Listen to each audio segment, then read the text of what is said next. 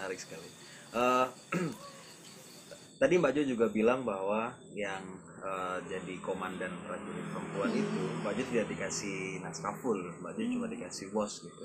Nah yang mau kutanyakan adalah was kan apa ya semacam di satu sisi kadang sulit untuk seorang aktor, apalagi aktor yang kita bisa bilang aktor modern gitu, yang bukan aktor tradisi gitu. Apalagi mungkin aktor-aktor eh, tradisi kayak Ludruk atau Ketoprak ketika dia pertama kali bermain, dia mungkin juga akan lebih ke mencontoh bagaimana orang sebelumnya memainkan tokoh itu untuk tahu dialog-dialog yang diucapkan. Nah, pertanyaanku gini, Mbak. Hmm. Gimana caranya Mbak Jo menciptakan dialog tokohnya? Itu was, tapi tetap dalam koridor tiga dimensi tokoh yang sudah Mbak Jo ciptakan.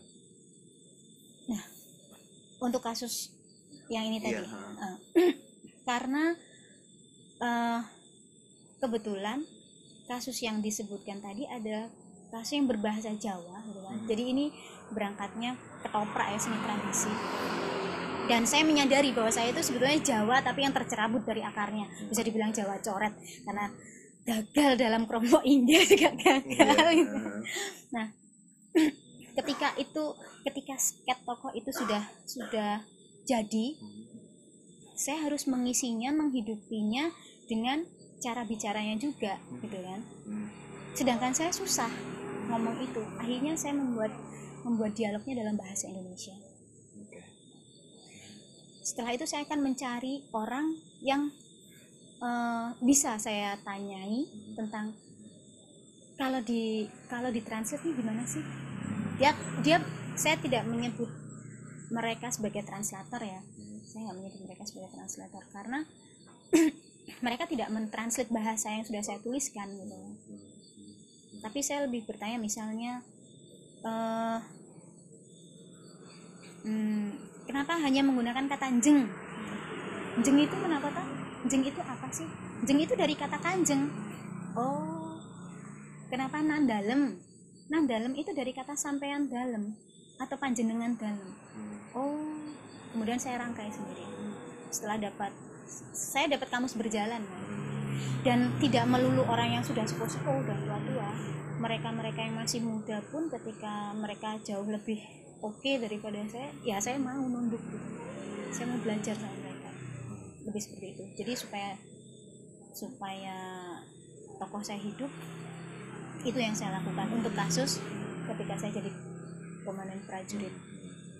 Oke, eh, masih dalam masih dalam ruang lingkup eh, naskah pos tadi atau Hmm. eh, apa namanya naskah yang tidak ada dialognya. Berarti untuk merancang dialognya, Mbak Jo kemudian menuliskan dulu dialog Hmm. yang mau Mbak Jo ucapkan itu. Artinya bukan bukan improve di lokasi.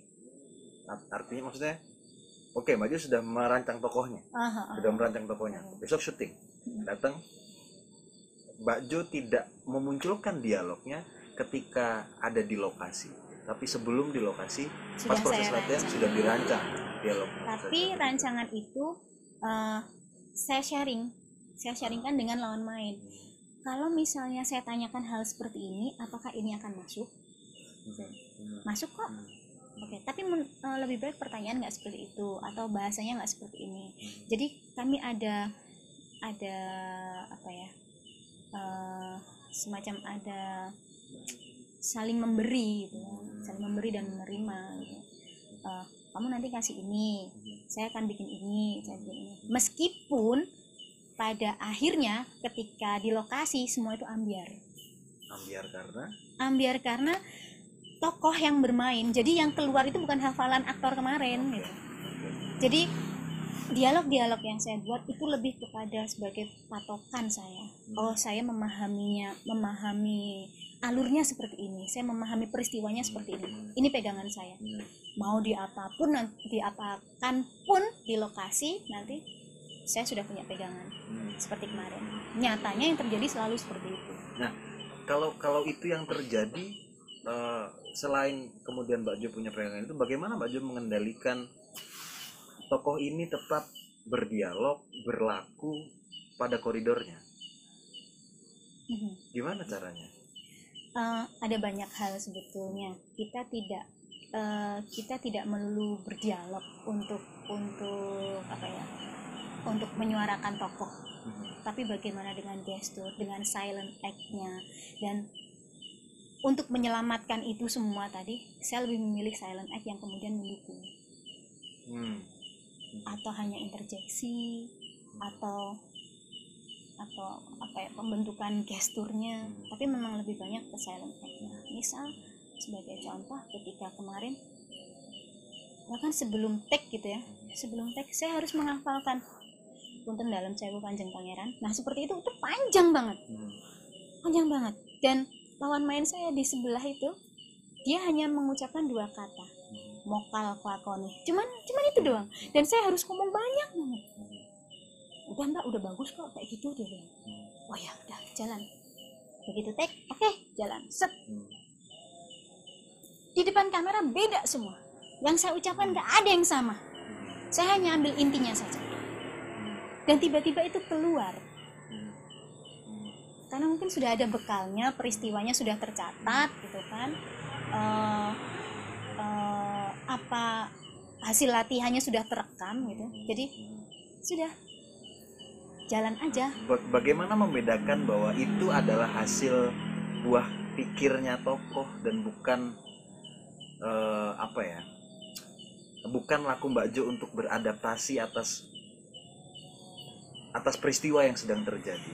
Eh, kesadaran itu nggak tahu kenapa selalu setelah cut atau setelah turun dari panggungnya baru saya kok nggak sama ya dengan yang kemarin saya baru sadar seperti itu Oke, oke.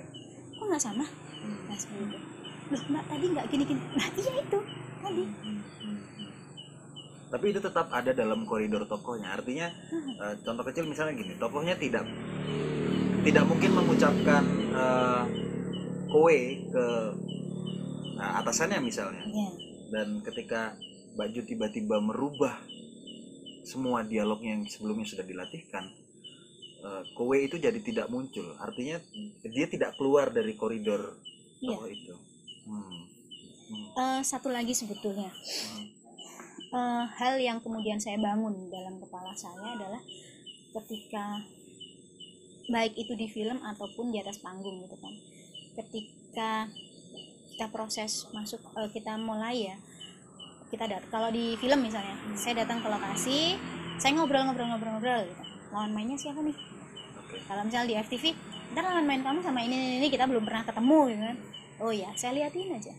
Oh oke keseharian dia seperti itu.